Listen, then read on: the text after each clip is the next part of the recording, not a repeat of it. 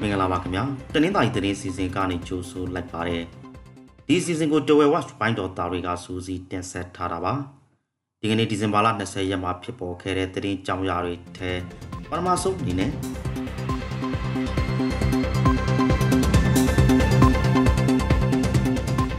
ပတောင်းမျိုးကစစ်ကောင်စီစာချင်းစာသားတွေကိုနိုင်ပိုက်တွင်လာဖြတ်သွားတဲ့အကြောင်းပါ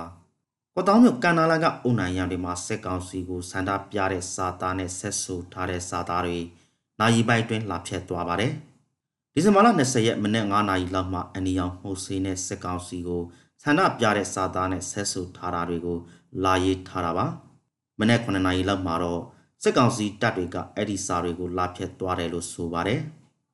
ကန်နာလာနဲ့ပုဂလိကဆေးအိုကလိုချိုကြီးကင်မရာမှတ်တမ်းတွေကိုလည်းစစ်ဆေးသွားတယ်လို့မြို့ခံတွေကပြောပါတယ်ဆက်ပြီးတော့လောင်လုံးမြို့မှာပြူစောတီတူပြစ်တက်ခံရတဲ့အကြောင်းပြောပြပါမယ်။လောင်လုံးမြို့နယ်မှာလက်ရက်တွင်ပြူစောတီအဖွဲ့ဝင်လို့ဆိုတဲ့အမျိုးသားတူပြစ်တက်ခံခဲ့ရပါတယ်။ဒီဇင်ဘာလ19ရက်ကကျောင်းနီမော်ကျွာမှာပြူစောတီချင်းချင်းပြက်ခတ်မှုကနေ တအူးသိဆုံးခဲ့ပါတယ်။18ရက်ကတော့ပြူစောတီအဖွဲ့ဝင်ပေါင်မိုးခေါ်လောင်းလောင်းဆိုတဲ့သူနဲ့16ရက်နေ့မှာတော့ကျောင်းနီမော်အုပ်ချုပ်ရေးမှုဆိုတဲ့ကိုမင်းမင်းပြစ်တက်ခံခဲ့ရပါတယ်။ကိုမင်းမင်းနဲ့ပေါင်မိုးခေါ်လောင်လောင်ကိုလောင်လုံးမျိုးနဲ့ပြည်သူ့ကာကွယ်ရေးဖွဲ့ကပြစ်တက်ခဲ့တာလို့သတင်းထုတ်ပြန်ပါတယ်။သူတို့တွေဟာကြောက်နီမော်ရွာနဲ့နီနာကြီးရွာတွေမှာပြစ်တက်ခံရတာပါ။သူတို့နှစ်ယောက်ဟာပြူစောတိအဖွဲ့ဝင်တွေဖြစ်ပြီးမူရည်စေးရောင်းတာ ဓမြမှုမှာပါဝင်တာပြည်သူတွေကိုအနိုင်ကျင့်တာစတာတွေကိုလှုပ်ဆောင်နေတာကြောင့်ပြစ်ခတ်ရှင်းလင်းခဲ့တာလို့ထုတ်ပြန်ချက်မှာဖော်ပြထားပါတယ်။အဲ့ဒီအချက်တွေနဲ့ပတ်သက်ပြီးတိကျအတည်မပြုနိုင်သေးပါဘူး။တဝဲရွှေစည်းကွက်အခြေအနေကိုဆက်ပြောပြပါမယ်။ဒီကနေ့ဒီဇင်ဘာလ20ရက်မှာတော့တဝဲမြို့ရွှေစည်းကွက်မှာအခောက်ရွှေတကြသား26သေး6000ကျန်းတဲ့အတဲကြမရှိပဲညင်နေတာကိုတွေ့ရပါတယ်။ဒီဇင်ဘာလ16ရက်တုန်းကတော့ ရွှေစည်းကျတောင်ကနန်းလောက်တက်သွားပါသေးတယ်။ဒီဇင်ဘာလ19ရက်ကစပြီးပြန်ကျလာခဲ့ပါတယ်။ဒီကနေ့မှာတော့အတဲကြမရှိပဲညင်နေခဲ့တာပါ။မွန်မီနယ်ကသတင်းကြောင်းရာတွေကိုပြောပြသွားပါမယ်။မော်မီနယ်မှုတို့မြို့နယ်ကမာဝဲမြို့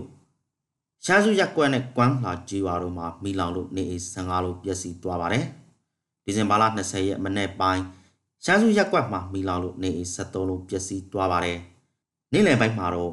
ကွမ်းလာကြီးရွာမှာလောင်ကျွမ်းခဲ့ပြီးနေအိမ်2ဆောင်ပျက်စီးခဲ့ပြန်ပါတယ်။ရှားစုရက်ကွက်မှာတော့နေအိမ်တစ်ဆောင်မှာထွန်းထားတဲ့ဖျောင်းတိုင်မိကနေ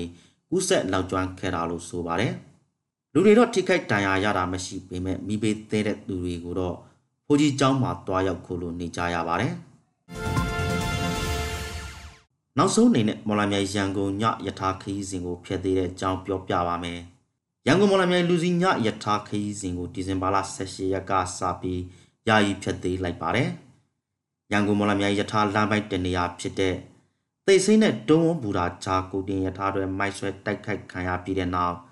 ရန်ကုန်မော်လမြိုင်လူစီညယထာခရီးစဉ်ကိုဖျက်သိမ်းလိုက်တာပါ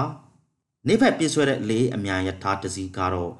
ဒီဇင်ဘာ18ရက်ကစပြီးမော်လမြိုင်ဘူတာကြီးကနေအစိုးစံနေစဉ်ပြည့်ဆွဲသွားဖို့ရှိနေပါတယ်ဆိုတဲ့အကြောင်းတင်ဆက်ပေးလိုက်ရပါတယ်ခင်ဗျာ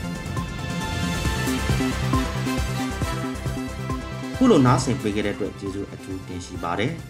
မြန်မာနိုင်ငံသူနိုင်ငံသားများကဘေးအပေါင်းကနေအများစုလွန်မြောက်နိုင်ပါစေလို့တဝဲဝဝိုင်းတော်သားများကစုမော်ကောင်းတောင်းအပ်ပါတယ်ခင်ဗျာ